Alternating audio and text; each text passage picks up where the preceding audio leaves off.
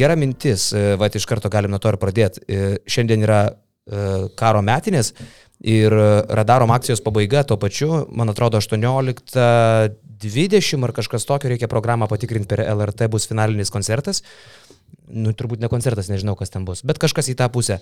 Ir mes kviečiam visus dar šiandien prisidėti prie radarom akcijos, jūs galite arba pavedimu į radarom sąskaitą, arba tiesiog skambinti trumpuoju numeriu, kurį man atrodo, kad jau visi labai gerai žino, 1482 skambučio kaina ir to pačiu paramos suma yra 5 eurai, o mes nuo Basket News turim dar vieną papildomą akciją sugalvoję, vad ką tik jūs paskambinat, e, padarot savo skambučio print screeną telefono ekrano, čia matysis, kad 5 ar 6 sekundės užtrukot, e, atsiunčiat mum elektroniniu paštu plus eta Basket News LT ir mes jums dovanojam mėnesio BN plus e, narystę.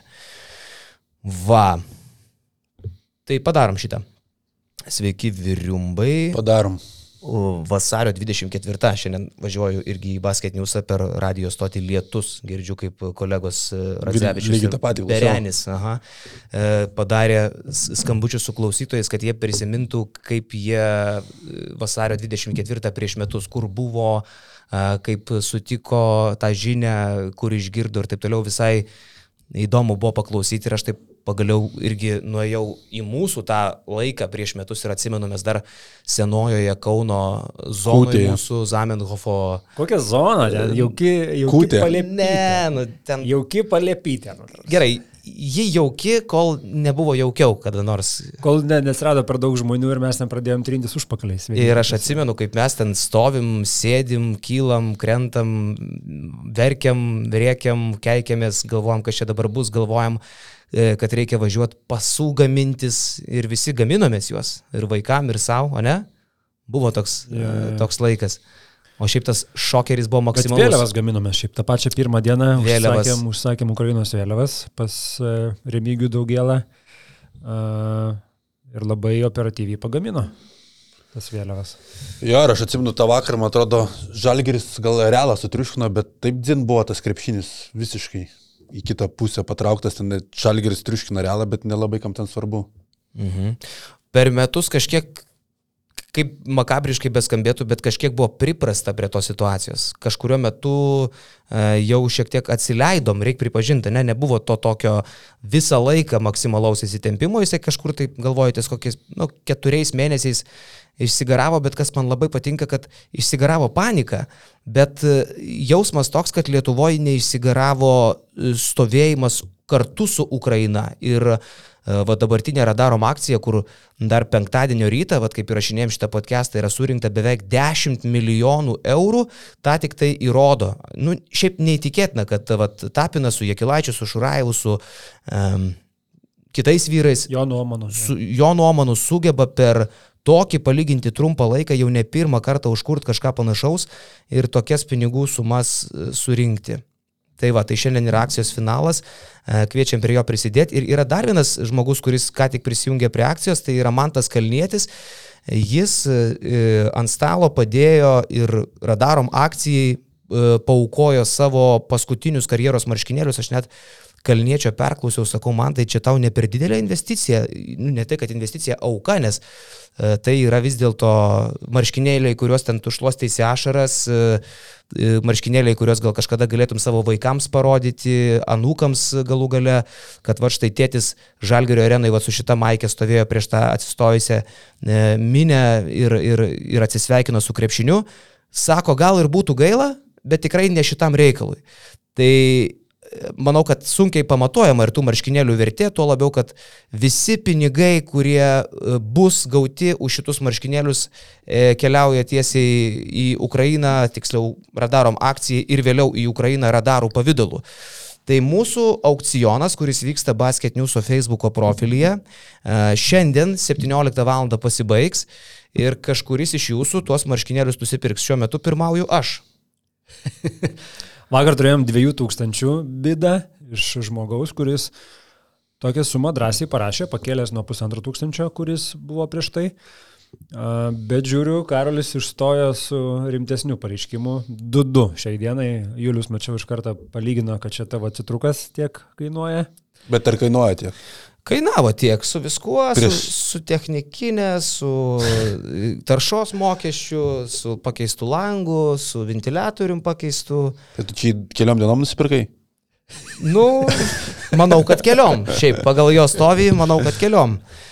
E, Aš sakiau taip, aš atvirai pasakysiu. Aš, e, man didelė tai yra pinigų suma, bet aš nusiteikęs kovoti e, iki 3000. 3000 eurų bus ta zona, kur aš kausiuos, tai manau, kad čia yra mažiausia, kiek tie marškinėliai yra verti, nors šiaip aš įsivaizduoju, kad e, aš džiaugčiausi, jeigu mums pavyktų juos e, parduoti ir to pačiu radarom akcijai paukot 5000 eurų už tos marškinėlius. Mano toks buvo tikslas, kada mes su Mantu pradėjome apie tai kalbėti. Nu, čia manau, kad būtų labai logiška pinigų suma. Nes šitie marškinėliai gražus iš labai ne vieno rakurso. Pirma, tu juos ant sienos pasikabinės ar įsirėminės, e, tu visą laiką žinosi, kad gali net nesiskalbti, jų nesk- neskalbti yra. Ten dar ašaros ir prakaitas neįskalbti. E, Žinosi, kad čia yra kalniečio karjeros pabaiga. Kitas dalykas, tu žinosi, kokio, kokiu būdu, kokią formą tu juos nusipirkai ir kur tie pinigai nuėjo. Nu ir šiaip man atrodo, kad geriau už bet kokį paveikslą, laikrodį ar struktūrą prabangę nutinkuota siena yra vat, toks, tokia relikvija iš kartos į kartą. Aš tai taip matau tą, žinai. Tai jau kaip nors atidirbsiu vėliau tuos pinigus. Jo, iš tikrųjų pastarąją savaitę buvo daug įvairiausių, įvairiausių aukcionų. Uh, Tas pas Andrius Tapinas darė skirtingus aukcionus. Žalgirio taurė už 25 štukas prasiaukcionavo irgi per, per Tapiną. Tačiau, kad ir- žalgeriui. Ir grįžo atgal Žalgiriui uh, Dainos Gudzine- Gudzinevičiūtės. Sunki pavardė. Irgi, irgi, iš tikrųjų, irgi iš vis didžiulė auka, man čia irgi pasirodė paukoti, paleisti aukcionui savo olimpinį aukso medalį. Si, palauk, žinok, aš šitą praleidau. Jis Sidnėjaus auksą padėjo. Sidnėjus auksą jinai padėjo. Taip, Bam. Jinai padėjo ir dabar galvoju, uh, bijau pamilot Maros ir iš neįgaliųjų kažkas. Ar, ar bil, bet nepasirašiau Mhm. šitą, bet kažkuris irgi dar aukso medalis buvo padėtas. Du aukso medaliai buvo aukcionuojami vienu metu. Tai šiaip reikia suprasti, kad žmonėms tai yra labai brangus dalykas. Nu, tas pats man tas kalnėtis, nu tokie marškinėliai, aš nemanau, kad čia tie, kur tu tiesiog mestum į publiką po rungtynių, žinai. Čia brangus dalykas, kad ir, ir tie krepšininkai, jie tų marškinėlių neturi. Mes, žiūrėk, ir su Kleiza kalbėjom, ir su Lanovu dar kalbėjom apie tą patį. Jie jų tiesiog ar ten nėra išsaugoję, ar kažkur tai e, kažkam atidavė jau, nu, nėra taip paprasta juos dar turėti apskritai, žinai. Tai žinai, vien faktas, kad jie neskalbti, reiškia, kad, nes šiaip, nu kaip tu po rungtynių, tu juos metys skalbimo mašiną, bet įsivaizduoju, kad man tas galvoja, kad čia paskutinis prakaitas ir aš juos tiesiog laikysiu taip neskalbęs. Bet atsitiko taip, kad yra akcija radaram, tai įsivaizduoju, kad čia didelė tikrai nuo man ta auka. Man tik įdomu, reikės su kokiais chemikais pasikalbėti vis dėlto, jeigu tu tokius prakaituotus įrėminio, man tas ten nemažai minučių žaidė, ar neprasideda kokia nors... Koks pelėsis Puta. net, neteis. Jo, ar, ar kokia nors neprasideda šutra.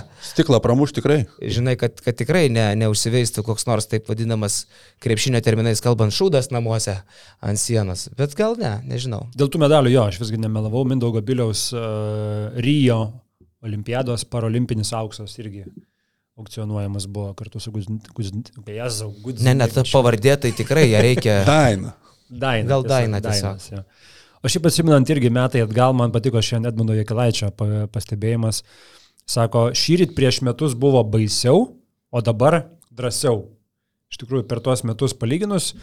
Ir aš galvoju, šitą akciją irgi ypatingai graži tom, kad uh, jinai suvienijo. Tarsi, jeigu tu žiūri globaliai, kad ir tas 10 milijonų, kas bus surinkta, nu tai yra ašara, ne? Ta prasme, matant, kiek skiria šalis, vyriausybės, ten Amerika milijardais skiria paramos, ne? Tai jeigu taip žiūrint globaliai, 10 milijonų iš tikrųjų tai yra Nu, mums atrodo, kad šitie radarai labai stipriai kažką pakeis, iš tikrųjų tai yra labiau mūsų toks įsitikinimas. Tai yra labiau simbolika, tautos vienijimas, uh, priminimas, kad mūsų artimi kaimynai turi kovą, bet realiai tai yra suma, kuri yra mažas lašelis. Bet kokį didelį jisai, sakau, suvaidino vaidmenį vienijant uh, šalį visą vasario mėnesį, tai labai uh, džiugu, kad šitie žmonės tokią idėją turėjo, kad jie tai suorganizavo kad e, prie to prisidėjo daugybė, daugybė žmonių, daugybė įmonių, nuo to paties tesoneto, dėl ko yra irgi dvigubai smagiau, kad NordVPN, kurį mes čia reklamuojam, reklamuojam, reklamuojam,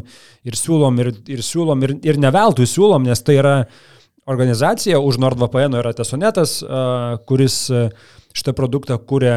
Ir tai yra dar vienas pavyzdys, kad tai yra įmonės, kurios mato plačiau, kurios tik, ne tik tai siekia kažko tai savo, bet vat, Nepasakyčiau, kad lengva ranka, nes lengva ranka milijonų tikrai niekas nedalina, bet manau, jiems, jiems buvo irgi pasididžiavimas ir to pačiu džiaugsmas prisidėti tokia didžiulė pinigų suma prie šitos akcijos. Tai, sakau, dar kartelį, jeigu kažkam atrodo, kad tai yra teisinga ir kažkaip galite gražinti ir prisidėti prie šitos akcijos irgi tiek pat NordVPN naudokitės. E, duokit atgal Hebrai uždirbti tą milijoną, kurį jie, jie padėjo šitai akcijai.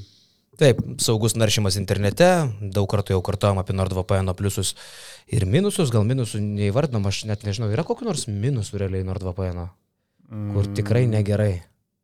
Kur tikrai negerai. Vat gal apie tai pakalbėkim pagaliau. Vat reikia pašnekėti, iš tikrųjų. Nežinau, Man tai patinka, jeigu yra kažkokia... Tai paprasta sugalvota, ne? Yra kažkokia problema ir su NordVPN neveikia kaž, kažkurios šalies, tai tiesiog sako, rašykit į jūsų portą, jie sutvarkys tą visą situaciją ir po to tu viską matysi.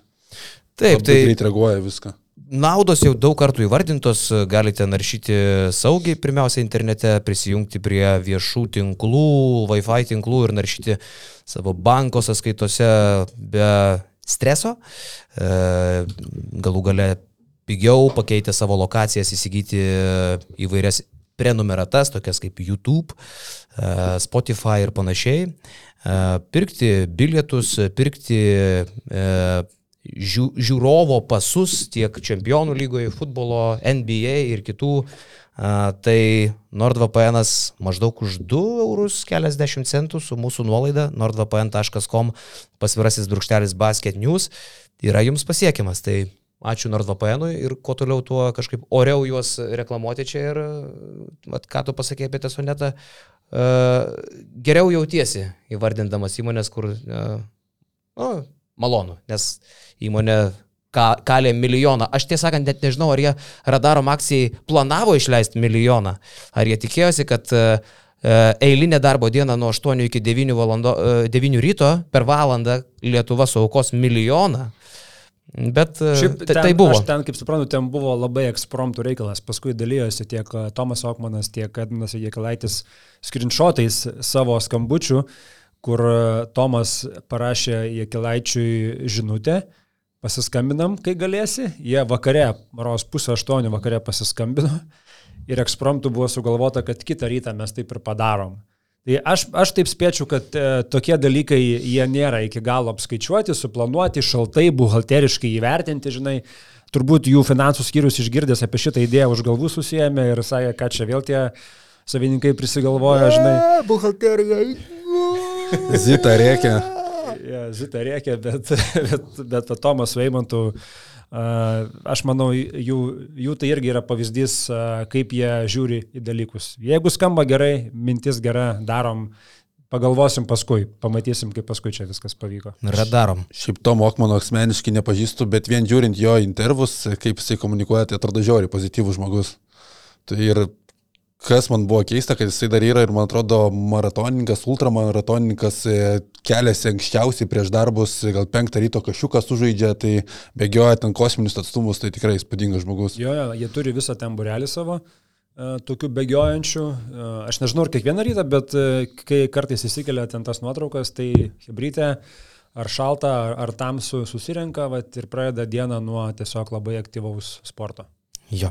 Tai dar kartą 1482, skambinkit e, šiandien iki e, radarom akcijos pabaigos. E, būtinai, jeigu jau paskambinot 1482, nepasikuklinkit, atsiųskit plus eta basket news LT savo skambučio print screeną, taip, taip, kad matytųsi tos sekundės, penkios ar šešios, kad jūs tikrai paskambinot, nepaspaudėt ir staigiai išjungėt, kad nenuskaičiuotų tų 5 eurų. Ir mes jums dovanojam BN plus mėnesio narystę, plus eta basket news LT. Tiek turbūt apie uh, radarom ir Ukrainą, įkalam gubernijos, mūsų partneris tau šiaip tau prie kavos. Žinai ką, šiaip šaldytuvas šiaip gana garsiai. Gerai purškys į tą. Labai, labai gyrė, labai gyrė tą juodą elį, man gali jį ištraukti. Kas gyrė? Hebra, kuri jau paragavo jo. Šiaip neblogas buvo, man pirmadienį labai jisai patiko. Čia yra nealkoholinis, čia yra viskas nealkoholinis. Čia yra ralleris nealkoholinis, o čia Aš to dar neragavęs. Tai. brown, brown ale. Okay. O aš ten dar turiu įsidėjęs ir savo biškį pašaldyti. Okay. Geras šitas. Davai. Saliut. Tai lygiai, lygiai prieš metus Žalgeris teršia realą? Jo, lygiai prieš Šitą- metus. Šitą ir buvau visai pamiršęs. Bet čia Kaune, ne tas rungtynės. Jo, jo, kai ten visi išėjo nesupratęs Jankūnas, kas čia įvyko, ką tik, tai man atrodo, toj patikrinu. 20 kažkeliais? 22, ai vasario 20, a, ne, palauk, tuoj, čia praeitų metų. Nu, vakar tai nedaug dievė. 96-69. Toks... e, Jo, vasario siaubingas 24, vaizdas. vasario 24, šiam 8, kem 7 Kaune. Šiam 8, kem 7, 21. Nu tai po metų realas atsiemė kaip turi būti. Bet šiaip tai vakar labai keistas rungtynės buvo. Aš e, irgi taip sužiūrau į televizorių, vieną akį pakėlęs iš džiaugsmo, kitą nuleidęs iš liūdėsio, kad mes lošiam polimo krepšinį su realu, po pirmo kėlinio pirmaujam, bet tu matai, kad mes niekiek neapsiginam, o polime žaidžiam tobulai, tobulas rungtynės. Tas pirmas kėlinys, toks aš net pasėmiau telefoną ir pradėjau, žinai, į Facebooką savo e, rašyti naucus, kaip čia, kas čia man krenta į akis. Ir lygiai po dešimties minučių aš nustojau tai daryti. Lygiai po dešimt minučių tai O baigėsi. dar po dešimt išjungė iš vis rungtynės. Paskui nuėjau parūkyti Aikosą į sandėliuką, trečio kelnio vidurį sulaukiau ir man tos rungtynės pasidarė nebeįdomas. Jau junginėjausi tarp Belgrado ir, ir, ir Madrido. Tai antras kelnys toks buvo sugražinantis kažkiek gal į trečią kėlinį Atenuose, man daug ten buvo flashbackų, kai tiesiog bėga varžovai, žalgeris nieko nepadaro, neužpuola klaida, pramesti metimai, greitos atakos realo ir tas skirtumas didėja.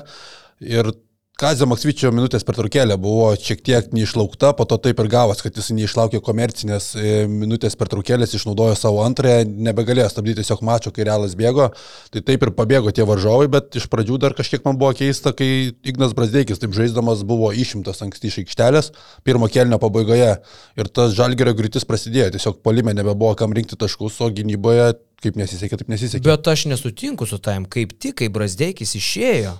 Pirmo kelnio pabaigoje, ten likus dviem su pusę minutės, jį pakeitė Dimša ir jis labai gerai jį pakeitė. Bet antram kelnį nežaidė, Brasdeikis pradžio irgi. Nu, bet Dimša jį labai gerai pakeitė, tai aš net su- suprasčiau Maksvitį, nes Dimša įėjo su milžinišku pasitikėjimu. Iš karto vidutinį pataikė iš kampo, iš karto viens prieš vieną per Fernandezą per rankas aukštą trajektoriją paleido. Ir aš net galvojau, irgi buvau pasižymėjęs, kad Brasdeikis žaidžia tobulas rungtynės, stebekas, trajekas, prasiveržimas. Šiaip dar apie Brasdeikį išnekant, jūs pastebėjot, aš turbūt nežinau kito žaidėjo Eurolygui, kuris lėjepus meta tokią aukštą trajektoriją per rankas. Mes kažkaip šitą matom, tas mus džiugina, bet tas jo pasirinkimas lentos kampo, nuo aukšto lentos kampo, nuo kurio jisai meta savo metimus baudos aikštelėje arba jos prieigose, yra turbūt aukščiausias Europoje. Nėra, aš nesu matęs Eurolygoje kito žaidėjo, kuris meta metimą, dėl kurio tu labiausiai pergyveni, kad jis mažiausiai turi šansų įkristi, kur atrodo, kad tai didžiausia nesąmonė. Ir paskui galvoji, kad tai fuksas, bet tik Brasdeikis tokius pataiko ir pataiko nuolat. Tai va taip jisai pradėjo rungtynės, 9 taškai, kokie Brasdeikio pasai, nusimetimai iš Šmitų į vieną, į kitą kampą. E, Buvo tobula. Ir įeina Dimša ir aš galvoju, va dabar prasidės. Nefiga, Dimša puikiai įeina. Įeina Birutis, su Dimša pick and rollas. Užsibaigė per Per Tavarešą. tavarešą užsibaigė. Įeina Butkevičius, prasiveržimas tavarešai pražanga. Ataku, kas pakyla nuo suolo, tie gerai lošia, atakuojam per visus. Ir aš netgi suprantu Kazį, kuris mato, kad viskas ko puikiausiai, pakeitus Brasdeikį mes negriūnam. Bet Brasdeikis tą tonusą uždavė, tai iki antrajame kelne pradėjo. Aš daugiau sakyčiau, kad antrajame kelne greičiau reikėjo gražinti, po to ta mintis per trukėlę, per anksti sudeginta. Ir pirmas kelnys tikrai tobulas iš polimo prasmės, realas. Antrajame kelne netrodė, kad būtų daręs kažkokius stebuklus, bet tiesiog žalgerio metimų pasirinkimai, klaidos varantis kamolį leido bėgti pražangų iki bonusų nepasidarimas. Tai žalgeris reikia suprasti, kad iškritus Kinanui Evansui realiai nelabai surasti komandą, už kurią Žalgiris Eurolyga yra talentingesnis polime su dabar turima sudėtim, Taylorui esant toli nuo savo kažkokio demonstruojamo žaidimo geresnio, tai prieš realą neapsiginant tu neturi jokių šansų laimėti. Kazis Maksytis tą ir pasakė, kad pirmosios minutės taip mes gerai polėme, bet jau iš pat pradžių buvo blogas signalas, nes taškų lenktynėse prieš realą tu negali laimėti būdama žalgeriu. Aš tą patį sakiau prieš rungtynės su Kleiza, kad mes neturim šansų apsiginti, o užpulti tiek uh, talento nėra. Tik aš nemaniau, kad mus taip sukals į vieną kasą. Nes tarkim, trečiam kelnį tai jau buvo kažkokia agonija. Aš turbūt ketvirtam irgi, aš turbūt pirmą kartą šį sezoną pamačiau žalgerį nuleidus į rankas ir kaip Marijonas Mikutavičius dainuoja, krentant į žemyn.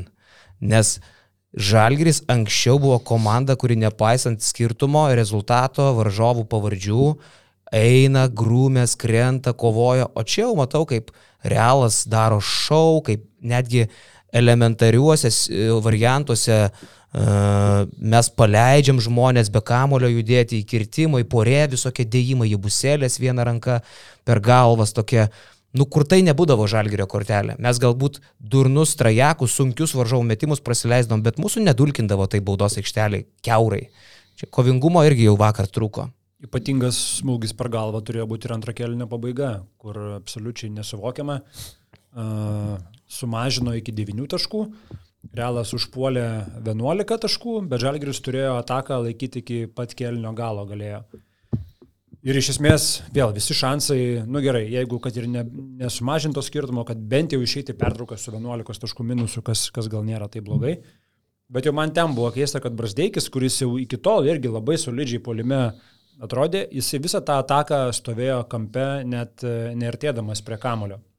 Ataka baigėsi klaida ir kaip paskui per tas ten 2-8 ir 3 sekundės sugebėjo dar 4 taškus prasileisti, čia būtų galima rodyti per uh, krepšinio pamokas vadovėliuose ir taip toliau visi šitas šitos klišės, kaip negalima pasielgti, kaip negalima prasileisti taip greitai keturių taškų ir tu vietoj to, kad sumažinės potencialiai iki devynių ar aštuonių taškų, tu išeini su minus penkiolika situacijoje, kurioje tiesiog negalėjo tai būti. Ir aš taip įsivaizduoju, kitų galim tokį, tokį per žandą, net ne per žandą, bet per galvą, sugrįžti paskui antroji pusė, žiauriai sunku. Dar Gabi Deka paleidė į stiprią pusę, kuris tik dešinę tai eina savo pilvuką, to atsistato taškai su pražanga, tai ten nu, nesuvokiama, kaip tai per dvi sekundės dar praleido taškus iš pakrepščių ir prasižengė. Ir turbūt čia buvo pirmos rungtynės šį sezoną, kai Edgaras Ulanovas yra absoliučiai nepastebimas, visiškai neįgalus, tik tai du metimai į krepšį apskritai aš, aš nepastebėjau vakar Ulės rungtynėse, toks įspūdis, kad jo nebuvo. Tai buvo nebuvo, nebuvo, pirmas tikrai. kartas šį sezoną, kai aš jo nemačiau, įdomu kokios to priežastys, gal blogai pasijuto, gal e, varžovas uždarė, gal net tą dieną, sunku pasakyti, bet e, kai apie žalgerio kovingumą kalbu aš, kalba Kazys Maksvytis, kuris irgi sako, kad trūksta to, ką mes turėjom anksčiau. Gal mes neprilikstam vienu ar kitu aspektu, bet mes kovojam. Tai kai apie kovingumą išnekam ir nėra Ulės, aš dar suvedu ir tai, kad Ulė yra vienas iš žalgerio kovingumo variklių su Butkevičium, e, tokia dviesė, sakyčiau, jie užkūrinėja komandą. Ir jeigu vieno iš tų variklių nėra, žalgeris nėra talentingas kitaip pat groti visą šitą. Nėra ulės ir viskas. Nėra to, kas liptų per galvas, kas imtų kamuolius nuo galvų, kas basintų kūnas į kūną. Ir tas labai pasijaučia. Rezultatas minus 27. Va dabar jau rezultatas pagal žalgerio sudėtį. Aš manau, čia grojo ir tai, kad Realas pažiūrėjo rimtai iš tos rungtynės. Jie žalgeriui buvo pralaimėję ne tik tai vat, prieš metus čia Kaune labai stipriai, bet ir šiemet Eurolygui pirmam rate pralaimėjo. Uh, jų taurės varžybos irgi nebuvo tokios turbūt, kokiu, kokiu jie tikėjosi ir jie turėjo pakankamai daug sportinio pykčio. Vienas yra iš, iš vidaus, kad tu ką tik nelabai pasirodė gerai taurės varžybose, kitas, kad tikrai buvo priminta, kad Hebra mes šitiem vyrukam prasileidom Kaune ir mes negalim pasikartoti dar kartelį su tokiu pasirodymu. Tai manau, kad jų motivacija ir jų nusiteikimas čia buvo kur kas didesnis negu galbūt ir ankstesnėse tarpusavio dvikovose, kur realas kartais gali į vieną kitą varžovą pažiūrėti per praštus. Ne, tai tiesiog sugražinta žalgeris greitai realybę, bet reikia suprasti, prieš ką tu žaidėtų. Realas antrajame kilnė Džan Namusą pirmą kartą išleidžia laikosi kovoja iki tol, mūsų išeina antrajame kelnėje, surenka 20 naudingumo balų, tai realas realiai visada turėtų taip žaisti, tik tais mus kažkiek užmygdė, kad čia jie prieš Unikachą pralaimėtų sezonas toks banguojantis ir mes gal galvojam, gal čia ant tos geros emocijos žalgeris užsikabins, bet kažkokios čia didelės tragedijos žalgeriui nevyko, ekstra taškas nepasimtas, Kazis Maksvitis prieš išvyką į Madridą sakė, kad reikia 18 pergalių, kad mes patektume į atkrintamasias, jis girdi tą skaičių, yra gal ir pasiskaičiavę daugiau kažką, tai penkis kartus reikia žalgeriui laimėti per likusius devynis mačius ir, ir galbūt ir vis tiek pavyks patekti, nes tu, kai skaičiuoji tas, kas belieka žalgeriui, tai tos penkias pergalės kaip ir atrodo gal ir visai logiškas variantas, jeigu žalgeriui žaistų savo krepšinį. Nu ir šiaip turbūt reikia pripažinti, kad Židrūnas Urbanas, pezėjęs apie Akilę Polonarą, kad jis jo netiki, buvo teisus. Kol kas labai teisus. Aš irgi reikia tikėti. Akilę Polonarą. Nu matai, jo argumentacija buvo labai silpna. Jisai kalbėjo, kad Bet Žalgeris faktas- neturi, ką žaidžia nugarą į krepšį ir jam reikėjo kitokio plano e, sunkaus krašto. Tai aš tik noriu paklausti, o Rolandas Šmitas nežaidžia nugarą į krepšį. Nu tiesiog apie nieką argumentacija buvo. bet- Argumentai prasti, bet Argumentai prasti, bet jis pataikė patį faktą, kad Akilė Polonara tikrai nuvilė. Ir aš nežinau jau čia apie ką reikia kalbėti, gal apie Akilės kažkokią tai psichologinę a, būseną, kad jis tiesiog nepagauna to vėjo ar kas jam yra. Bet jis atrodo katastrofiškai prastai. Man taip atrodo, neturi kartais- vietos aikštelį. kad jisai tarsi ir labai nori skubėti pramušti. Gauna tą pirmą perdavimą, antrojako stovėdamas, prie jo stovi žmogus, žinodamas, kad akilę metą. Ir neturėdamas ypatingos progos, jisai šveičia. Ir tai buvo jau ne pirmą kartą, ne pirmose rungtynėse, kur jisai vos ne pirmą kartą prie kamerą pris- prisilietęs skuba kažkaip sėk- sėkmingai atsidaryti. Tai kažkiek tai irgi galbūt e, sako apie jo tą psichologinę būklę, kur tu, kur tu būtinai nori įrodyti, kad vat, vat, vat gal dabar, gal dabar jau bus, gal dabar bus.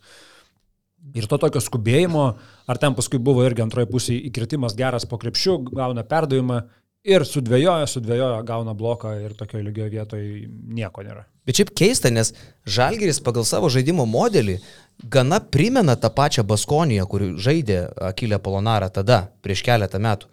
E, Irgi e, aukštas penketukas, irgi svičiolas, irgi mobilus žaidėjai, kaip ir Baskonijoje tuo metu, irgi žaidimas greitas, e, kur visą laiką turi šansą mesti ir treneris tavęs neriboja to daryti. Toks Kazis Maksviti šiaip gana itališko plano treneris pagal Akilę Polonarą, bet nieko panašaus jis nedaro. Tai Baskonijus jis nemažai žaidė vidurio palėjų, Italijos rinktinė irgi tekdavo jam žaisti vidurio palėjų, tai Taip. jisai, Jis netgi fantasy tuo metu buvo C. jisai galbūt norėtų pats daugiau to tokio žemo, žemo penketo, kur galimybės labai daug į priekį, vakar aišku tas varžovas, kur tu nu, negali tiesiog bėgti su realu, bet e, kad prie Polonaro Žalgris žais greičiau, aš tikrai taip prognozavau, galvau, kad dažniau bus naudojamas Šmito ir Polonaro tandemas, bet pats Polonara tiesiog kol kas nepateisina tų lūkesčių ir kaip Jonas pastebėjo, tas pirmas jo greitas išmetimas labai dažnai būna, bet jis jį prametęs po to tiesiog nebesiema iniciatyvos visai. Vieną prametą ir tada nebežiūri į krepšį ir tas epizodas antroje rungtinių pusėje, kai jis iš po krepšio gavo tą kamolį, pradėjo gazdinti iš idealios padėties, tai man tik parodo, kiek daug dviejonių pasigalvoja yra dabar.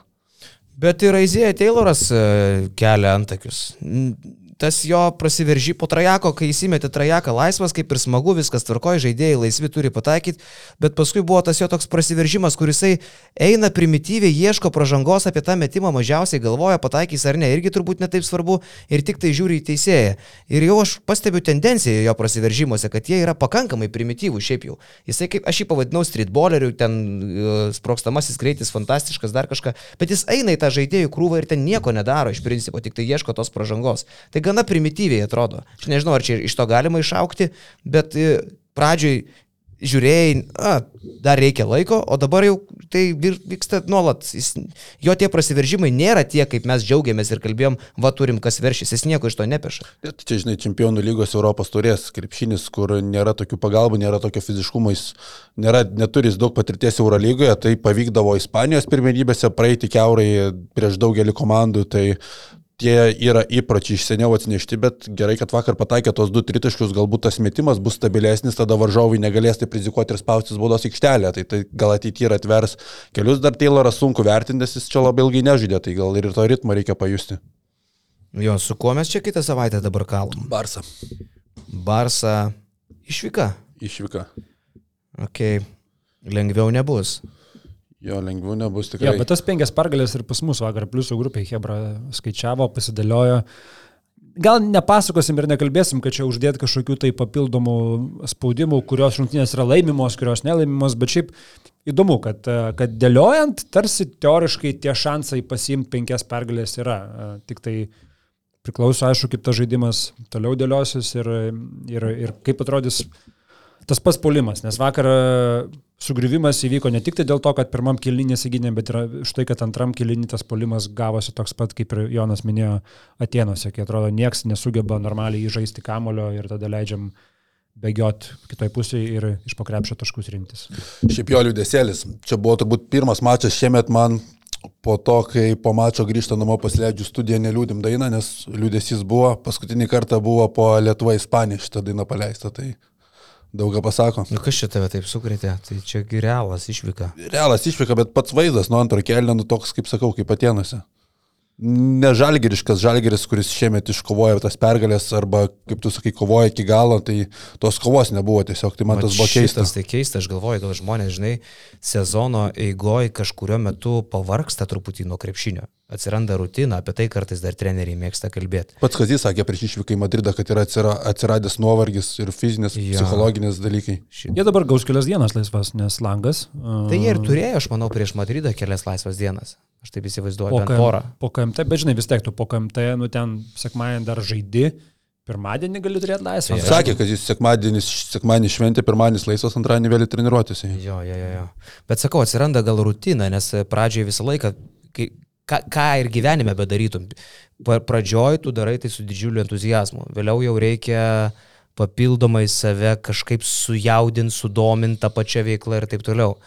O čia, žinai, atsiranda turbūt tas toks natūralus užsiknisimas. Daug tų rungtynių, viena kita veja, gal ir tai numuša vaibelį, tą kovingumo lygį žalgryje, nes jis dabar pastebimai yra, nu ne tas, kaip mesgi žalgrių, tai labiausiai žavėjomės dėl to, kaip jie griūna, kaip jie kovoja, kaip jie lekia, negailėdami savęs teškėsi į žiūrovų pirmas eilės, lupa kamolį, operatorių parverčia. Dabar nieko tokio nėra kurį laiką.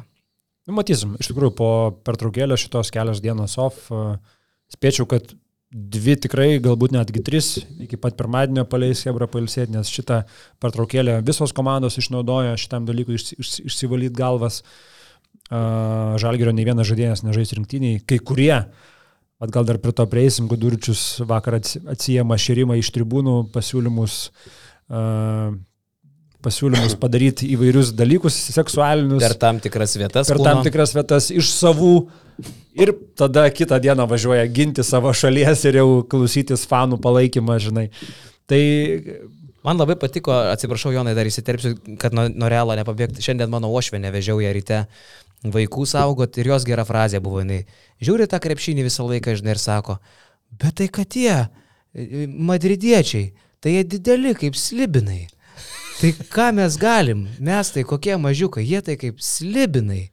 Nu, sakau, žinokit, laimutė, nu tie slibinai ir kainuoja, kai kurie net ne po milijoną, žinai. Nu, slibinai tikrai. Kartais mes į tą realybę turim irgi nusikelt, žinai, mes čia šnekam, šnekam, dainuojam, dainuojam, tikimės, tikimės, kažko pykstam, pykstam, jeigu nepavyksta, bet tu, kai realiai objektyviai vertini situaciją, nu, kas yra Madrido realas, kokio tai talento, kokio tai biudžeto komanda, žinai.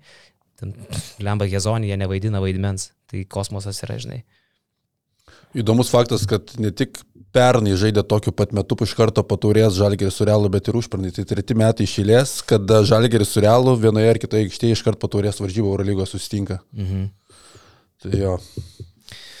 Va, o tu jau čia užsiminėjai vakar, iš tikrųjų buvo, aš sakau, persijunginėjau vis į tą, o paskui jau nuolat žiūrėjau Belgrade, kokios rungtynės iš tikrųjų Želko Obradovičius susitiko su Dimitriju Tūdžiu, mokinys su mokytoju. Aš tai manau, kad jiem abiem tai ypatingas vakaras, aišku, ne pirmą kartą, bet vis tiek. Pilnutėlė Štark arena ir kokios Guduričiaus rungtynės. Ir žinai, į ką mane nukėlė? Į 2004 Šaras prie Žalgirį. Aš pagalvojau vis tiek, turbūt tokiem talentingiam bičiam kaip Guduričius ar Jasikevičius, jiems užkuria papildomai a, šitos atmosferos savų žmonių. Aišku, Šaras savo karjeros rekordą padarė Tel Avive, bet prieš Žalgirį 37 vakar Gudūra savo karjeros rekordą pagerino Eurolygoje. Tiksliai nepasakysiu, ten 35 naudingumo ir taškų apie 30. E, bet mane labiausiai sužavėjo vis dėlto, kokiais šaltais nervais, kokiu metu Guduričius daro, kai jam skanduoja tas skanduotės apie brutalų seksą su jo pačiu ir kas ir gali siūlo jam padaryti pasivedę už arenos kampo. Jis tuo metu sumeta baudos metimus ramiu veidu ir po minutės pakartoja prasiveržimą 2 plus 1 ir vėl įmeta baudą. Ir tą daro taip užtikrintai, taip šaltai. Wow, va čia yra lygis, va čia yra, supranti, tai, ko, už ką yra mokami pinigai, už šaltą galvą, išlaikyti tokį, aš neįsivaizduoju čia. Pastatyk, pasodink nors vieną interneto komentatorių į tokią situaciją. Taigi viskas. Vienoj, vienoj karščiausių aplinkų Europoje iš viso. Vienas dalykas, kitas dalykas, nu, kad tu žinai, kad tai yra tavo žmonės, tu prieš savo žmonės žaidži ir tu geriausiai supranti visas skanduotės, kurias, kurias gauni. Bet čia tas yra, vat, Šiška sužaisdavo prie žalgį visą laiką. Uh, Macas su tau keramika. Žinai, Lietuvoje Lietuvoj tu negaud, negaudavo ne karto tokių skanduočių. Nu, mano tėvas Žiauriausia- skandavo, žiauriausia skanduotė- grįžk atgal į savo Rusiją. Žiauriausia skanduotė, kuri būdavo Lietuvoje, tai būdavo skirta Zavatskui, ar ne? Su šlikščiausiu žodžiu iš esmės. Visiems kitiem nu, nebūdavo tokių. Kas vakar gudurai, vat, mūsų Mindaugas Bertys, dabar, kadangi jis yra didžiausias Lietuvos Serbijos santykių puoselėtojas iš esmės, turintis neblogų ryšių Serbijoje, jisai gavo vertimą iš, iš, iš kolegos ir iš bičiulio serbo, kas buvo skanduojama gudurai. Tai ne patys maloniausi žodžiai, švelniai tariant. Ir jo, ir įrodyt Čiulk savo, ar kažkas tai. savo klasę su šituo, taip, taip. Kur Kota kažkada, vat, Rūbiniai kalbėjo, tai vat, iš esmės tą patį gudurai buvo skanduoti. Ir pasirodo, Gudūra iš tikrųjų yra jo pravardė, čia nėra, tai, Taip, kas taip. sugalvojo Aleksandраvičius. Gudūra visgi yra, jis taip Nu, vadina. visą areną skandavo, tai kaip ir supras, kad greičiausiai taip ir yra jo. Ja. Bet yra sakęs, man atrodo, Nikola Mirotičius, kad tiems aukščiausio lygio žvaigždėms tokios atmosferos tik dar labiau prideda noro, dar daugiau pasitikėjimo ir gudūrai, tai čia nestaigmenai, jisai Zviesdai atstovavo kelis metus. Tai Tai, svarbiausias kampas, kad jisai zviesdai. taip, Zviesdo žmogus prieš partizaną, tai jam papildoma motivacija visada yra, tai vakar susitvarkė spūdingai gudūra tikrai. Žinai, kas dar man patiko, kaip yra išdresiruoti e, partizano amerikiečiai. Suprask, yra praėję mokymus, kaip elgtis, jeigu partizano fanai pradeda jau eit ant baudos arba rungtynių nutraukimo ribos, o jie tą kiekvieną kartą vis sėkmingai padaro. Tai vakar tas momentas buvo, kai Gudūra įvarė du su baudas, dėjimą su bauda figieną ir ten kažką ten, ar ten kažnu per daug, jau partizano fanam pasirodė, kad daugoka. Ir tada, man atrodo, kažkas kažką metė į aikštelę, skanduotės prasidėjo, kažkoks net žmogelis išbėgo, kad jau ten apsauga sukrūto. Tai lydėjus su panteriu iš karto tokį vieningą gestą, vienas į vieną pusę, kitas į kitą. Ramiai, baigiam, baigiam, baigiam, baigiam, baigiam. Akivaizdžiai yra žaidėjai patys informuoti, kaip elgtis ekstremaliuose situacijose.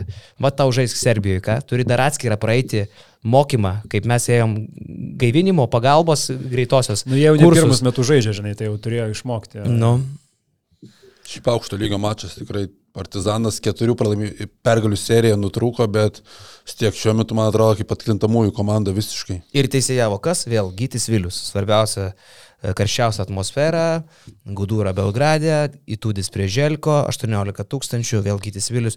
Ir Gyčiui teko priimti tokį sunkų sprendimą, nu jisai buvo akivaizdus, jis nebuvo sunkus, bet skaudų partizano fanam.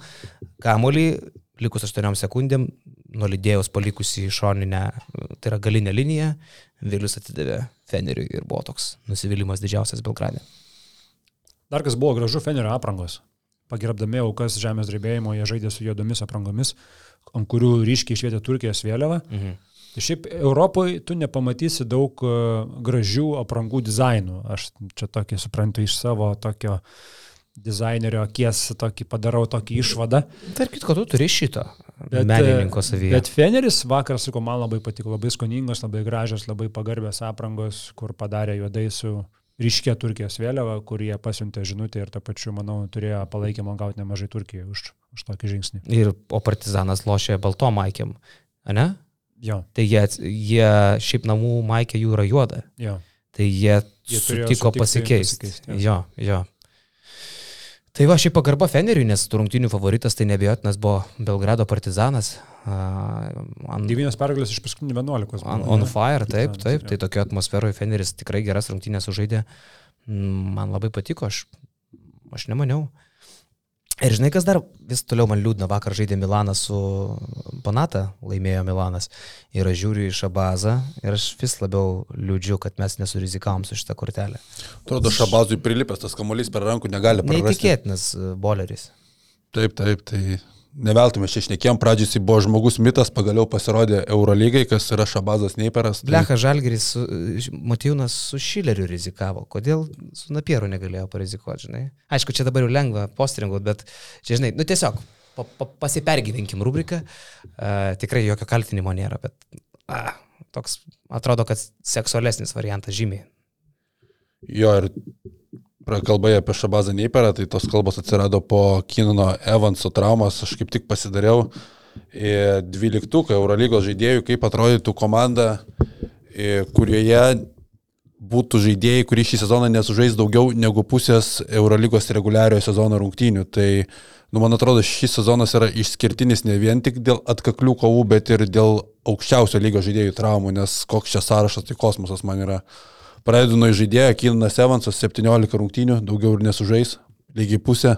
Traumų prieš Fenerį paskutinėme pirmojo reguliariojo sezono rate. E, antras žaidėjas Kevinas Pangosas dabar su 10 mačų ir dar ilgai nežais, tikrai nesužais daugiau negu pusės atakuojantis gynėjai. Martinas Hermansonas, kuris artimiausių metų grįž į Valenciją po kryžminių kelio raikščių traumų, šį sezoną nesužaidė nei vieno mačo. Ir Šeinas Laikinas, jeigu dar bent vieną mačą praleidžia iki reguliario sezono pabaigos, taip pat nebus sužaidęs daugiau negu pusės reguliario sezono rungtynių. Tai tokie gynėjai, lengvėjai kraštai. Šeivonas Šilcas, trys mačai sužaisti, aukščiausio lygio lengvas kraštas. Kada jis įgrįž? Turėjau vasario pabaigoje, tai čia dienų turėtų sugrįžti, bet faktas, kad pagrindinis žmogus Milano nežaidė nuo sezono starto. Lučičius iš 25 mačų sužaidė 10, teoriškai dar gali sužaisti daugiau negu pusę, bet sugrįžo turės varžybose vakar Eurolygoje nežaidė automatiškai, reiškia dar yra saugomas po traumos, tai irgi manau, kad nesužais daugiau negu pusės rungtinių Lučičius, kuris praeitą sezoną buvo top 5 žaidėjas tarp lengvųjų kraštų. Markusas Eriksonas, iš viso pamiršom, kad toks žaidėjas yra Eurolygoje, Albos lyderis turėtų būti. Toliau polėjai, Nemanė Bielica, nulis mačų. Nemanė Bielica, kuris grįžo po NBA etapo kaip e, buvęs Eurolygos MVP, išvyko į NBA kaip Eurolygos MVP. Daleris mm. Kevanau, 14 rungtynių, Gigi Datome, 4 mačai. Žofry Lavernas, 3 susitikimai sužaisti ir Aleksas Poitresas 11 mačų, tai čia 12 tas, kuris tau nauja atkrintamų Eurolygos komanda, jeigu jie visi būtų sveiki, vieną komandą patektų. Štų 12-3 Milano žaidėjai. Taip. Nu, daug pasako apie Milano problemas, bet šiaip Bielicos man tai labiausiai gaila, blemba, aš su kokiam viltim jį ir fantasy nusipirkęs ir ten džiaugi, nu, mūsų draftuose, taip laukiau sugrįžimo ir jis kažkaip vis tolinamas, tolinamas, jis pagal pirminį planą jis turėjo grįžti po trijų savaičių nuo sezono pradžios. Tai buvo dar, jis gavo... Jis turėjo spa, e, lapkričio mėnesį jau žaisti. Jis gavo traumą rūpiučio pradžioj Serbijos rinktinės pasirašyme ir dar Pešičius neskubėjo jo atmesti, nes tikėjos, kad spės pasveikti iki Europos čempionato. Dabar jau vasario pabaiga nėra Bielicas dar. Aš žinok, dar į šitą sąrašą tai dėčiau ir Mario Grigonį, nes, nes ne, nepaisant to, kad jisai žaidžia, bet jisai žaidžia per, per negaliu. Tai man dar čia tas atrodo, kad Grigonis absoliučiai ne tas žmogus. Apie Lūčičių dar galima irgi tą patį pasakyti. Žinok, kažkas rimčiau yra Lūčičiui. Net kai jisai žaidžia, jis atrodo apgailėtinai. Tai jam, man atrodo, net trupučio neprimena Lūčičiaus. Jam gal pėties operacija dar nesmaty, kad vaikščiojo jisai su pakabinta ranka kurį laiką. Dabar turiai, sakau, sužaidė, bet vėl dabar taupomas. Jo, jo, jo. Čia, žinai, kaip Bayernas turėjo Nihadą Džedovičių praeitą sezoną, kur yra, bet nėra iš tikrųjų. Tai čia tas pats dabar su Lučičiumi yra. Kaip, mm. kaip ir jis būna, bet jisai visiškai miręs yra. Tai aš sakau, va tą sąrašą atrinkinėdamas, nes Eurolyga į... Toj sistemoje, kai po kelių metų tu žiūrėsi Eurolygos rezultatyviausius, naudingiausius žaidėjus, tie, kurie nebus sužaidę daugiau negu pusės sezono mačų, jų nebus niekur statistikos grafuose. Tai toks Kinano Evanso pasirodymas, kuris tai tarp topinių žaidėjų yra, tiesiog pranyks po kelių metų ir tie, kurie norės atsiversti archyvus, net neprisimins, kad Evansas čia buvo. Dabar Evansas kokius darbus dirba per KMT, blemba kokia eilė įsirikiavo fotkintis ir tenai parašų atėjo, atklibinkščiavo su tuo ramentu, atsisėdo ir užpuolė jį prie tvorelę, žinai, prispaudė. Aš nežinau, jisai, nu, kokias taip neperdindat, kokie 30-40 minučių. Oho.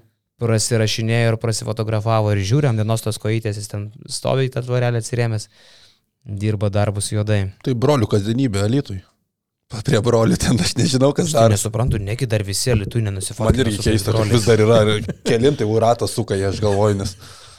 Ja. Gal tiesiog yra tavo savaitės vienas iš tikslų, žinai, nusifotkinti su broliais ir tu vieną savaitę, kitą savaitę. Nes ten atvažiuoju, wow, prieš rungtynės, kuris laikas, per pertrauką broliai bando iki toleto nueiti nepavyksta, nes užstojus eilė ir dar po mačo, tai nežinau.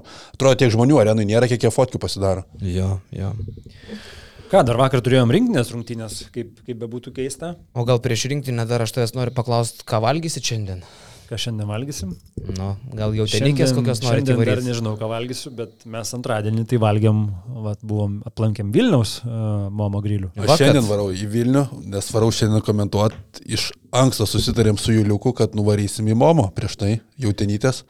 Bet tu neperspausk ten su jais, nes mums paskui jau bus nepatogu.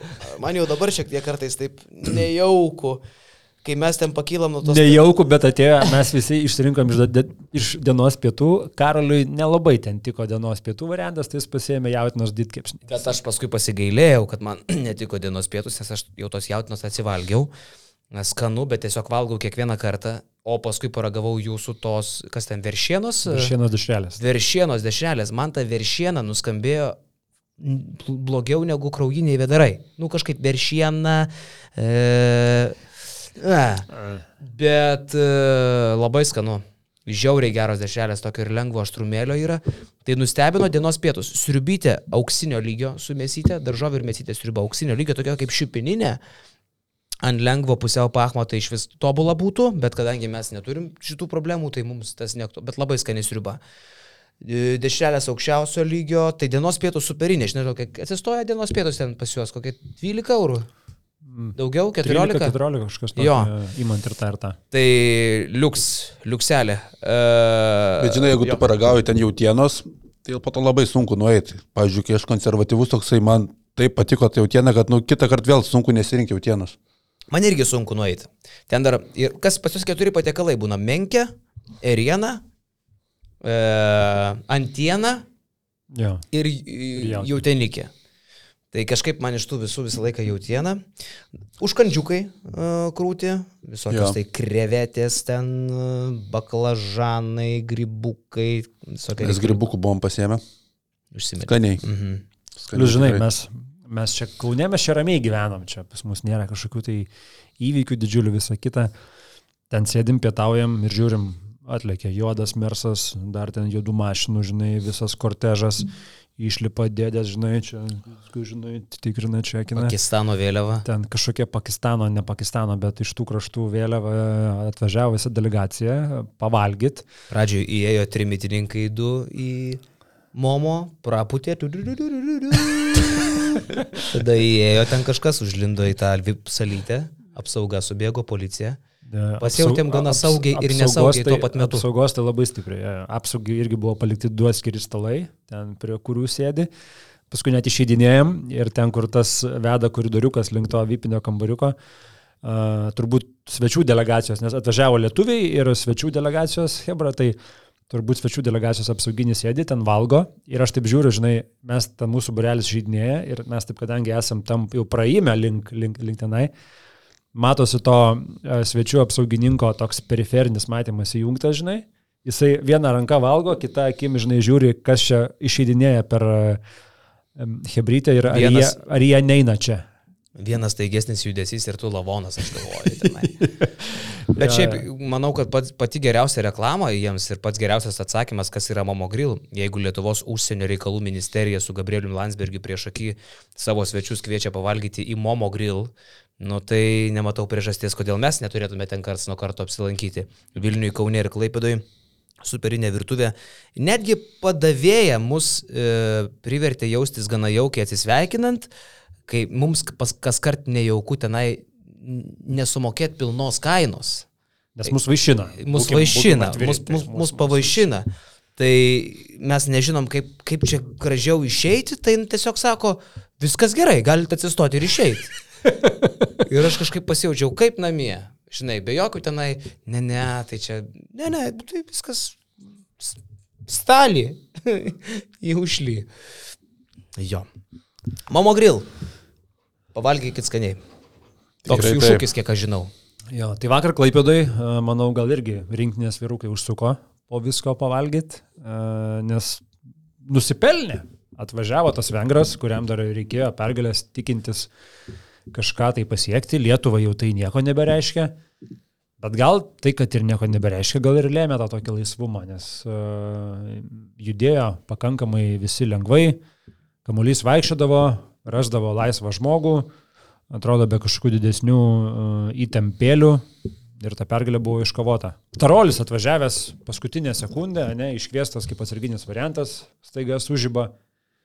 E, Rupštavičius irgi gauna šansą, atrodo, jaunuoliui reiktų jaudintis taip toliau, jis labai užtikrintai balioną ten tą skleidžia parašiutą didžiausią nuo lentos smėgę. Man, man kažkaip, aš, aš, aš pradžioj taip kažkaip skersai žiūrėjau, nes vėl taip sunku žiūrėti į rinktinę, kurioje, nu, būkim teisingi, laksto net ne A ir ne B rinktinė, bet yra C rinktinė iš esmės iš surinktų šitų žaidėjų. Bet tai nėra žaidėjų kaltė, tai yra sistemos kaltė.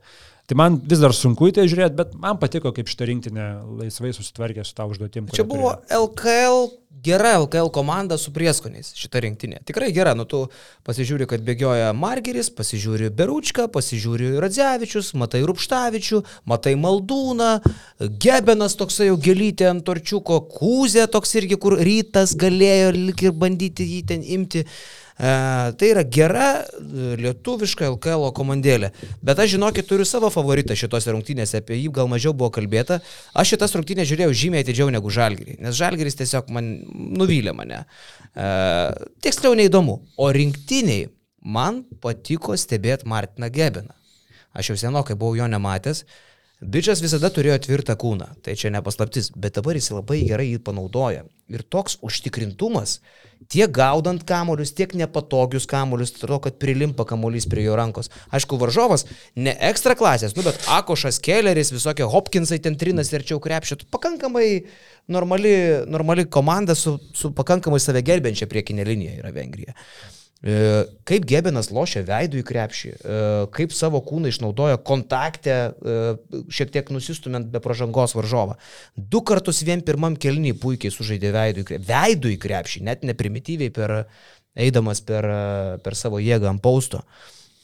Mm, kažkaip visai norėčiau Gebeną pamatyti kitą sezoną kokiuose nors tai Wolves, tarkim dabar jis pakeistų Baknerį ar, ar tą patį Deliją. Uh, Tai būtų jėga, didžiulė jėga po krepšių, tikrai solidus žaidėjas. Ar tam pačiam lietkabelį? Ar tam pačiam lietkabelį, ar tam pačiam ryte vietoj Ehodo, ar, ar kairio, nežinau. Uh, aš tai noriu jo, aš netgi tiesą sakant, žalgerį jį, uh, jeigu ateitų situacija, kad reikėtų trečio centro, uh, va tokio kaip Kavaliauskas kažkada tai buvo, maždaug tokio, tai labai panašaus plano žaidėjas. Dar mes nematėm jo ten vidutinių metimų, dar kažko vakar. Uh, Bet man savo laiką jis nebuvo, kad per jį eitų žaidimas. Bet kiek jisai gaudavo progų, o atsisukit rungtynės, nepatingėkit, stebėkit tik tai gebina.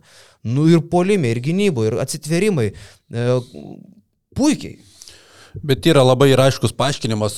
Gebinas visą laiką gerai judėdavo pick and rollose, turėdavo tos pakankamai jėgos sužaisti nugarą į krepšį, bet tas mobilumas atsirado kai jisai persikėlė į Ispanijos lygą šį sezoną ir jisai treniruojasi pas Pedro Martinezą, kuris žaidžia labai greitą krepšinį.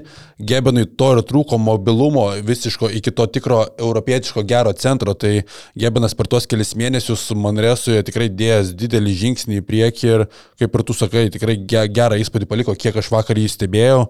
Ir buvo, aš dariau su juo interviu čia prieš rungtynės, kuomet rytas žaidė Manresoje, tai prieš persigeldamas į Manresą buvo tokių kalbų, kad Wolves domėjosi Martinu Gebinu, pats jisai sakė, kad, konkretaus pasiūlymo nebuvo, bet e, e, dalis žaidėjų Wolves netgi sakė, jeigu Gebinas pas mus būtų tada atvykęs vietoj Baknerio, šimtaprocentinis LKL finalas su juo. Ne. Aha. Ne, ne, labai rimtas žaidėjas, čia vienas tokių, uh, vad sakau, gal ir vakarykštės rungtynės, jo statistika neįspūdinga, nežinau, kiek jisai pelnė. Startai pradėjo 16 minučių, 10 taškų, 4 kamuoliai. Prašau, tai net, bet jis net nekrito niekam į akis, bet aš pasirinkau vakar stebėti jį po pirmų dviejų sėkmingų epizodų ir kiekvieną jo situaciją žiūrėjau. Nu niekur nenuvilė. Brandus centriukas. Taip, Vengrija nebuvo, šiaip Vengrija mane nustebino, nes tai pagal sudėtį nėra labai prasta komanda, aišku, ne pačios stipriausios sudėties irgi, Bet tai, imant žaidėją prie žaidėją, nedaug silpnesnė komanda už vakarykštę Lietuvos rinktinę, bet mane nustebino, kad jiems tos rungtynės dar daug reiškė, o jie taip nuleido rankas. Jų gynyba buvo tokia silpna, kad Mindaugas Kuzminskas sugebėjo dvi savo firminės verpstės baudos aikštelėje atlikęs ten jiems problemų daryti. Keurai ėjom kaip norėjom iš tikrųjų. Silpnai, labai silpnai vengrai ginantis atrodė. Tai ir toks jo. mačas parodo, koks varadis yra nusimušęs nuo visko kai nėra hangos, jis yra ten pagrindinis realiai žmogus. Vakar 2 taškai minus 3 naudingumo balai, visiškai ne tas varadis, kuris buvo Sambatėjos Falko, ten buvo jų veidas ir pagrindinis vietlys, dabar ir ryte visiškai ne tas žaidėjas, kurį rytas pasirašinėjo vasarą. Bet ką reiškia numušta psichologija žmogaus, ne? Visiškai vienas metimas iš aštuonių tikslus, minus 3 naudingumo balai ir man irgi šiaip sunku šitą rinktinę nusteikti rimtai žiūrėti, ypatingai kai nėra nei tų įdomesnių žaidėjų, kuriuos tu galėtum pastebėti, kuriuos rečiau matai, praktiškai LKL rinktinė be kelių išimčių, bet, bet kokiu atveju, tai, nu, jeigu ne šitie žaidėjai, tai Lietuvos tiesiog nebūtų pasaulio čempionate, tai kad ir kiek mes kalbame, kiek tas langų krepšinis yra neįdomus ir sunkiai žiūrimas, bet pagarba tiems krepšininkams, kurie atvyksta ir mes tarptų visų šalių vis tiek išsiskiriam savo tų lygių, kadangi mes turime daug labai vienodo gero lygio lietuvių panašiam lygiai žaidžiančių. Kitos šalis turi žymiai didesnių problemų, tai pagarba tiems krepšininkams, kurie atvyksta į tos langus. Ir tuo pačiu, va, užsiminė apie tuos libinus, vienas iš tų libinų, Volteris e, Tavaresas e, turbūt šiandien anksti ryte susipakavo daiktus, išskrido namo į žalį į kišulį. Jis vakar jau galėjo trečiam kelnį išvaryti. Jis, jis jau vakar galėjo išvaryti jo. Kur tas žalesis kišulys? Žalesis kišulys pretenduoja labai realiai į pasaulio čempionatą. Įsivaizduok, Tavaresas gali žaisti pasaulio čempionatą su žaliu, žaliojo kišulio rinktinė. Tai Negali būti. Irgi šitą informaciją iš to paties Mindaugo Berčio, kuris uh, yra kažkodėl ir dar šit žaliojo kišulio didžiulis fanas. Atleisk, Jonai, o žalesis kišulys namų rungtynė žaidžia žaliajam kišulį? Man regis, jeigu taip, tai čia gero. Man regis, Af Afrikoje ten vyksta turai, suvažiuoja į vieną Žiūrėk. vietą, keturios rinktinės ir jie sužaidžia, uh, jie, nu, parting ten yra. Nu, tai taip, taip, tu pažiūrėk, kur ja, čia viduryje Atlanto vandenyno. Taip, taip, taip. Smagiai gyvena ten jie. Tai va, tai Tavaresas uh, yra priverstas uh, susikrovęs daiktus, kai visi galbūt varo pačilintas kelias dienas, jisai skrenda vat, namo, padėti savo šaliai iškovoti istorinę pergalę. Šiandien mačas jums pusė šešių. Žaliam kišuliui. Jo, žaliojo kišuliui. Bet tas, pirmas, bet tas pirmas mačas Marovas paimamas, ten jį labiau kviečia dėl antro, e, nes ten viso Marovas trejos rungtynės. Jiems reikia dvi laimėti. Ir jiems reikia dvi laimėti, jo. O vyksta viskas Angoloje. Jo. Tai va, tai dar nėra taip toli varyti, jo, nereikia ten belstis į, į Afrikos kažkur gilumą. Nu, Angola tai irgi, taip jau sakykim, nereikia leistis, pažiūrėk. Ok, susimaišyti. Reikia leistis? Reikia, reikia leistis. iki žaliojo kišulio palyginti čia peščiom gali nueiti, negu iki Angolos. ok, mano geografijos žinios čia labai stipriai prasilenkia. Aš sumaišiau su Alžyru, Alžyras yra viršui. Okay. Jei, e, palauk, Ang Angolo žaidėjas buvo Tundžia Vadžiobi. Man atrodo, o jeigu nemaišau, ne? Nežinau. Nesvarbu, čia prisiminiau prieš rytą kažkada 2-4 ložė. E, jo, e, tai... Paskraidė ir toko šengelė vakar 25 taškai, 28 naudingumo balai. Sakartvelas yra visiškai šalia pasaulio čempionato patekimo, reikia paskutinės rungtynės laimėti, bet net ir nelaimėjus jų turi šansų, jeigu Islandai, man atrodo, pralaimi. Tai jo šengelė vakar sužaidė Olandijoje, šiandien varo atgal į Boloniją, sužaidžia su, su, su, su Virtusu, su Baskonija Ir tada dar grįžta atgal vienas, vieną mačą sužaisti už Sakartvelą vėl. Tai gerai paskraidys. O sekmadienį mes lošim su prancūzais. Loš Vembanijama. Loš.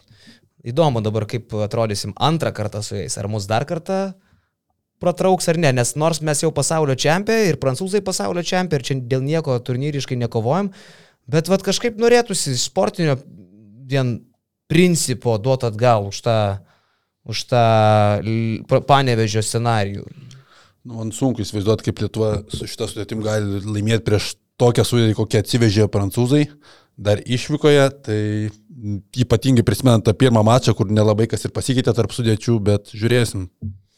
Man žinai, dar kas vakar de, už debutantų smagu, aš taip galvoju, kad mums šita Lietuvos rinktinė kartais net pašpilkuoji, palazdavoji, čia komanda trečia ar ketvirta, ar čia rungtynės neįdomios, čia tie FIBA langai.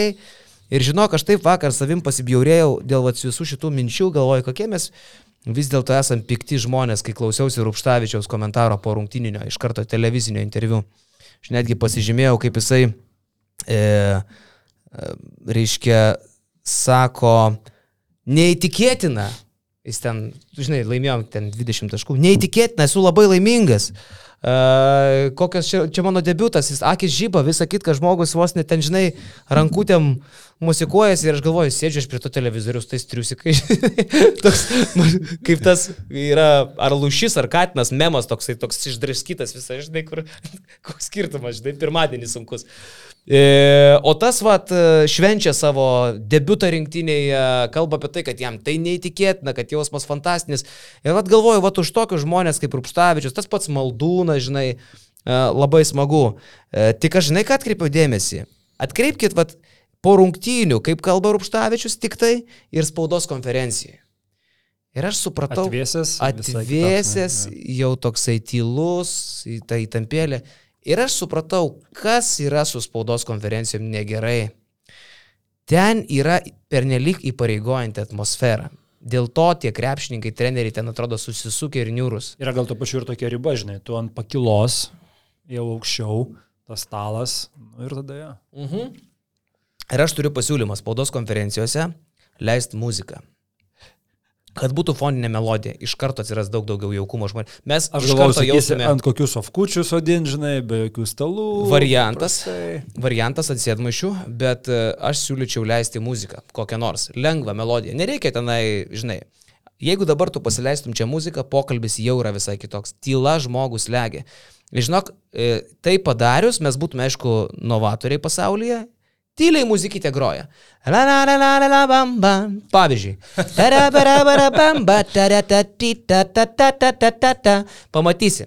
Kitoks bus Kemzūros komentaras, kitoks bus Rupštavičiaus komentaras. Visai kitaip žmonės spaudos konferencijose atsiskleistų. Mano pasiūlymas Lietuvai ir pasauliui. E, toksai yra. Beje, apie Vambenjamą kalbant. Tai čia blog, kažkas. Ne, ne, viskas, viskas Gerai, einam toliau. Bet ar matėt, ar matėt, kaip vakar dėdė Bolvinas sukišo Vambenjamą į krepšį? Mačiau. Parodyk. Ir po to atgal gavo. Žiūrėk, dėdulė, nugarytė, nugarytė, nugarytė. Čia kas toksai? Andriui Bal, Balvin. Balvin. A, čekų? komentaras. Ui. Nu. Ui. Viščių gavo pamokėlių vaikis atvaręs. Čekai labai startavo galingai, bet paskui galiausiai vis tiek praleido. Gerulis. Po to jam banijavo, man atrodo, 34 gal F pasibaigė mačą. Auč. Nu ir aš nežinau, kas vakar kėlė į basketinius Instagramą tą Rupštavičiaus trajeką, kur parašyta, kad šalta kraujiškai pataiko tritaškinės, nu tai buvo tiesiog plyta nuo lentos ir, tai nieko panašaus į šalta kraujišką metimą, ne? Fuksiukas. Nu, nu, tai, bet smagu už bičią, mačiau žvengia net e, vengrų treneris. E, dabar laukiu, kol, vat, pavyzdžiui, koks Dovis Bičkauskis gaus tokį, pa- palauk, Bičkauskis yra žaidęs rinktiniai. O koks Edvinas Šeškos kol gal šansą? Taip, bet dabar kitas šansas, kada kitas langas po pasaulio čempio jau tai. Taip, jau tada kova dėl Europos čempio prasidės. jo. Ja. Jo. Tai va, vyrukai, e, tiek turbūt tam kartui. Apkalbėjom aktualijas, antras podcastas šią savaitę. Nutarėm, kad būtinai reikia duoti dėmesio žalgerio ir rinktinės pasirodymams. Šiandien Eurolyga tęsiasi toliau. A, turi dar kažką, matau, pasižymėjęs čia? Tai aktualijų turbūt tiek, bet galim dar pamaišyti sportą su politika, ką mes mėgstam daryti. A, tiesa, mesgi turėjom fantastišką straipsnį apie Gintautą Šivicką. BN pliusams. Jo, taip, šią savaitę tas buvo Gintoto Šivicko straipsnis, tiksliau, Aivaras Karla, mūsų, mūsų pliusas, tokia irgi dabar rubrikė, rubrikėlė turės, kur pasikapstys po praeities visokias įdomias istorijas. Tai ten remiantis senais krepšinio žurnalų straipsniais tas tekstas buvo sulibdytas. Uh, tai jo, daug kas gal buvo pamiršę arba kažkas ir net nežinojo, kad Gintautas Šivickas žaisdamas savo pirmąjį sezoną uh, tiksliau žaisdamas, pfu, dirbdamas savo pirmuosius metus Seime, žaidė paskutinį sezoną LKL, derina šituos du darbus. Marijampolė su Valkyjos komandai. Jo. Ir buvo rezultatyviausias LKL žaidėjas. 21 taško vidurkis. Jo. Seimo narys, nesitreniruodamas nie karto per sezoną, bet nepraleidęs ne vienerių rungtinių LKL. -e. Kažkokia beje jokinga istorija su Šivicku, jeigu aš nemaišau, man regis yra Šivickas. Ir man regis tai buvo net gal tie patys metai, kur nuskambėjo per žiniasklaidą istorija, kad į jo namus įsibrovė vagis. Tu su duoja nesumaišai. Kai surišo ir sumušė. Ne, ne, ne, dar geriau, dar geriau. Apšvarino ir prišiko. ir nenuleido. Labai gerai. Bet šiaip drąsus vagys, nes pagal DNR aš galvoju, kad čia jau nesunku surasti. Galėtų atsekti. Bet tai sakau, aš jeigu, degtukų jeigu, dėžutę jeigu įsidėjau. nieko nemaišau, man regis būtent čia Šivicko yra istorija šita, kaip jis nukentėjo. Gana, aišku, nesmagi situacija, bet kurioziška, kad vagis net laikė, nežinau, ir kažkodėl nusprendė, kad jam reikia taip pat. Prišyko į širdį ir į kluziką. Banditai. Jo, tai va, tai trupučiuką pamaišant sportą ir politiką, kitą savaitgalį, kovo 5, vyks savivaldos rinkimai.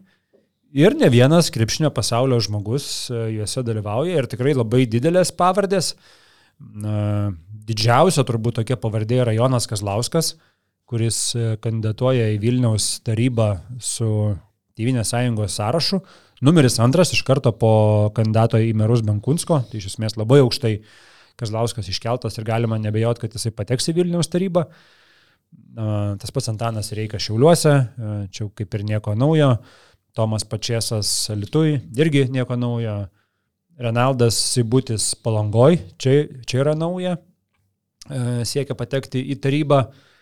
Įdomi situacija šiaip yra Utenoje. Pati įdomiausia istorijoje. Pati, pati įdomiausia istorija yra Utenoje, kur Juventuso du pagrindiniai vyrai, Židrūnas Urbanas ir Eimantas Kersis, yra skirtingose barikadų pusėse. Manau, kad abu vienas kitą labai myli dėl to. turėtų mylėti. Ir net nebejoju, kad jų ofisai yra taip pat smagu kaip ir pas mus ateiti kiekvieną kartą. Taip, taip. Turbūt, tai Jokios įtampos tikrai Jokios nėra. įtampėlės tikrai nenais nerasta. Tai visi bairuoja turbūt. e, Šmaikštauja. Klausinėja, ką vakar veikėjai, ar Momo Grill buvai, ar gubernijos išgėrė, žinai. vis- Norėčiau pamatyti jų dieną ofise. Kaip podcastą, žinai, kaip, kaip jie atrodo.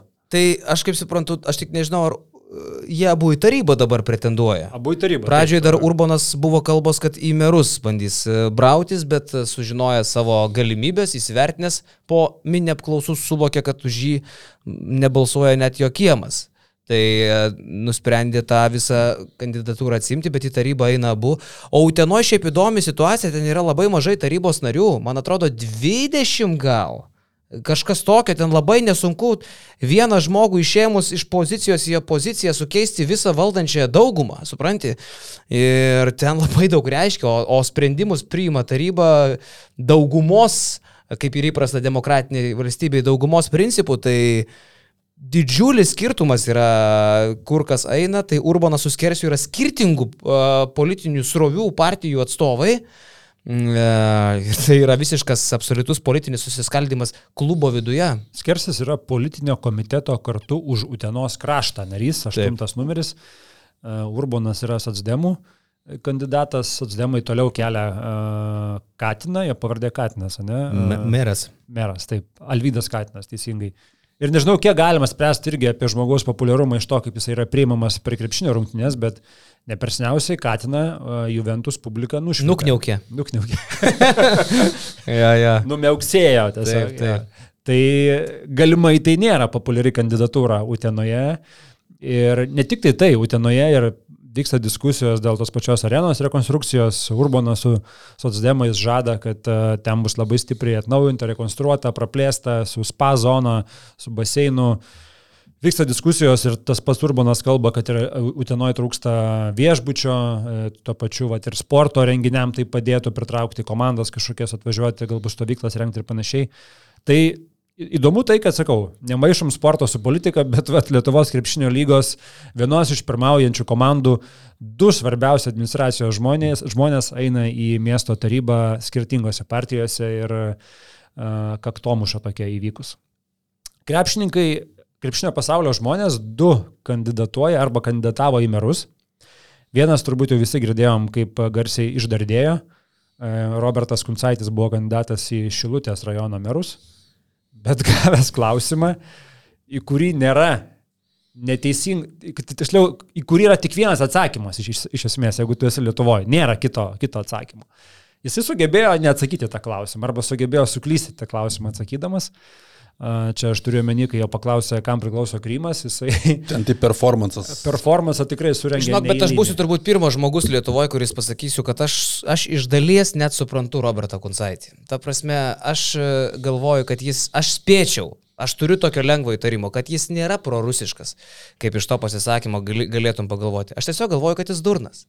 Bet durnas irgi ne iš blogos valios, o iš to, kad jis yra senų, supūvusių kažkokiu tai pažiūrų žmogelis, kuris, aš manau, yra už Ukrainą ir prieš karą. Bet jisai masto, kad galbūt, žiūrėk, čia aš toks jaunas politikas, einu į politiką, galbūt dabar reikia čia išvengti bet kokio tokio, na, juridiškai de facto čia yra Rusijos, uh, bet, žinai, čia nepolitikuokim, žinai, toks tipo pseudo labai atsargus kažkoks. Savęs, aš galvoju, kad iš durnumo. Aš nemanau, kad jis, jis prorusiškas. Jis savęs net nepaaiškino po to, kai Elrytas LT jį pakalbino po visko, jis net nepaaiškino savo šito atsakymo. Žinai, jis net nepasinaudojo progą nuplauti savo mundurą ir paaiškinti, kodėl jis taip atsakė. Tai nu, aš spėčiau, nes atveju... aš, aš spėčiau, kad jis tikrai e, čia taip pasielgė galvodamas, kad taip turi daryti politikas. Jo, jo suvokimas toks turbūt buvo, žinai. Na, de facto, čia, žinai, de tokį mandrą terminą pasirinko, čia Rusijai priklauso Krymas, nu, de facto, gal de facto, žinai. Man, man ten buvo atsakymas ir, sakau, ir viskas, kas, kas, kas, kas vyko po to, kur kas keistesnis, nei kad uh, Čia jau kažkokie įstikinimai žmogaus pasirodė, o ne, o ne kvailumas. Arba nemanau, nu, man su, būtų sunku patikėti, tiesiog. Man tai nežinau, sunkiai paaiškinama ten, kaip jis atrodė, jis gal dar galvoja, kad dirbs Rusijoje, aš nesuprantu, ten taip, ten vartytis, po to irgi nepaaiškinti. Nu, nemanau, tikrai nemanau, tiesiog man tai būtų neįtikėtina, ne, ne, neturiu, neturiu net dėl ko galvoti, kad jisai galėtų būti kitoj barikadų pusėje. Tai tiesiog atrodo nelabai įmanoma. Tai va, tai jisai, jisai ne, nebebėra kandidatas į merus ir lieka tarptų visų kandidatų, šiaip gal net turim čia tikslų skaičių, kiek kandidatuoja į merus. Kandidatų yra 433.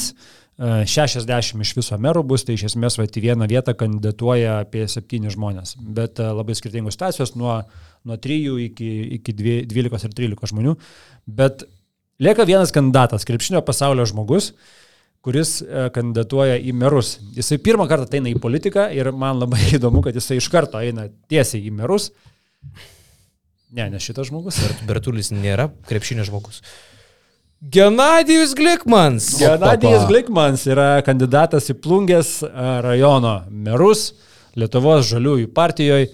Sakau, aš net nustebau ir aš pažiūrėjau, ar jisai yra turėjęs kažkokios panašios patirties, kaip suprantu, ne, dirba krepšinio treneriu visą gyvenimą ir vat, kažkokiu būdu jis šiuo metu yra vienas iš kelių kandidatų į Plungės rajono merus. Mhm. Matėt Bertulio performance uh, LRT? Jo. Šiaip būtų labai neblogas bairis. E, man, man visai patiktų, aš mėgstu kažkada, e, palauk, e, kur tenai, Kolumbijoje mūsų buvo charizmatiškas labai lietuvos kilmės, ats, lietuvių kilmės atstovas. Antanas Mockus, jo. Jo, jis irgi ten ir subinę rodė ir visokių yeah, yeah, yeah. dalykų darė. Bet matai, koks skirtumas tarp Mockaus ir, ir Bertulio, kad tu, kai darai tokius dalykus, tu juos turbūt savo galvoj prieš darydamas įsivaizduoji, kaip tai atrodys. Ir aš įsivaizduoju, kad žmogus įsivaizduoja, kad tai bus charizmatiškai ir efektinga. Bet kai jisai ten atsistoja, jisai neturi kur dėti akių, jisai jau praktiškai kažkur giliai širdį minimaliai gailisi, kad jis dabar šitą dalyką daro, žinai. Kalba sutrikus, atrodo kaip dešimtokas, aš, viskas taip. Aš, aš nežinau, ar, ar ten viduj toksai, žinai, jausmas yra, bet, bet nu, viskas tiesiog jam, tiesiog... jam kiša koja tai, kad jisai neaiškiai artikuliuoja, neaiškiai kalba. Ir, ir bet tada, tai nėra tik tai... Ir tada tu neaiškiai kalbėdamas automatiškai atrodo, kad turi jaudinėsi ir bijai, jis gal buvo vienintelis, kuris drįso kabinti akis Matijošaičiui, bet tiesiog kalbėjimo forma yra tokia, kad e, tu ne, neskambi užtikrinti. Nu, tai tas drįso, drįso kabinti yra toks, tai, tai kaip jūsų verslas Rusijoje, nu, kur tu dabar tu jau turi lipi per save, tai Tai tas neužtikrintumas, jisai ir yra pirmas dalykas, ko labiausiai galėtų trūkti, jeigu tu jau eini į didžiąją politiką. Taigi tu turėsi kalbėti su partneriais, tu turėsi įtikinti, tu turėsi parduoti savo idėjas, tu turėsi užkabinti, tu turėsi vesti žmonės.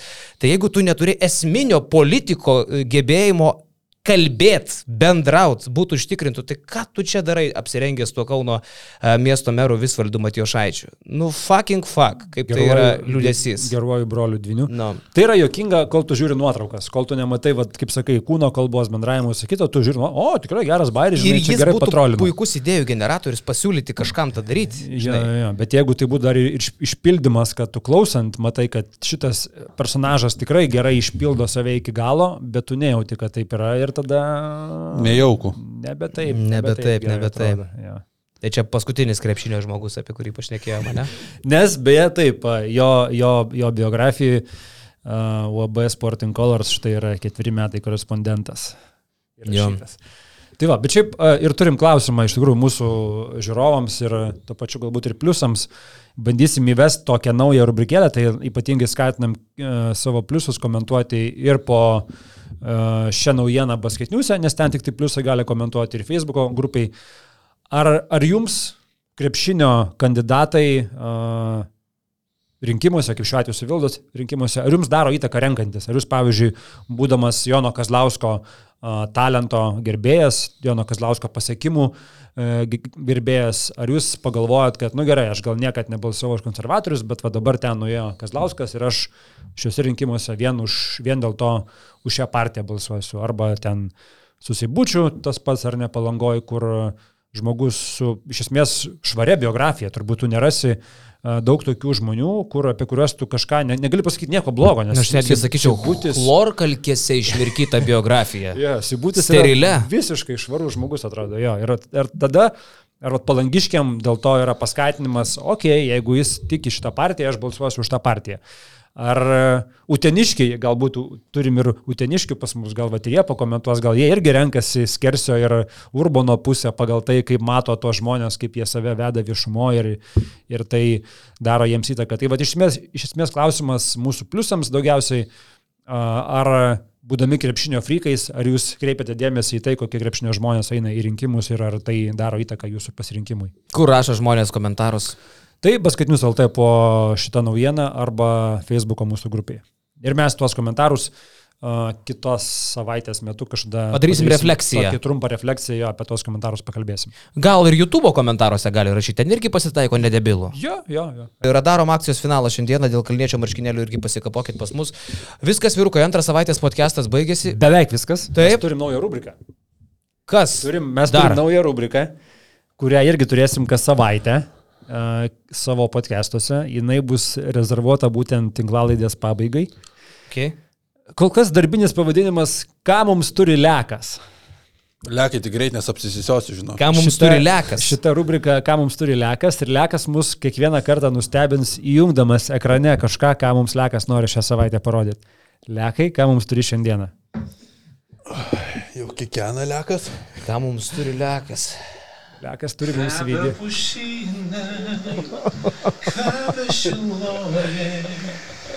Lega paukšteliai.